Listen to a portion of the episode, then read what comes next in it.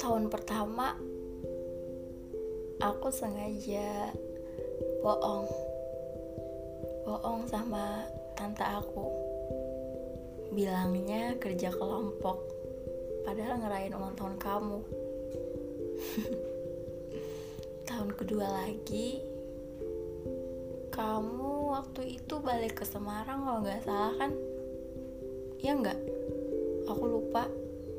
Tapi yang jelas kita LDR udah LDR dan ngerayainnya cuma video call. Ya cuma sekedar bilang happy day. Selesai.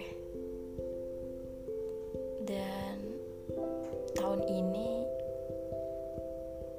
nggak tahu sih ya. Tahun ini paling buruk apa enggak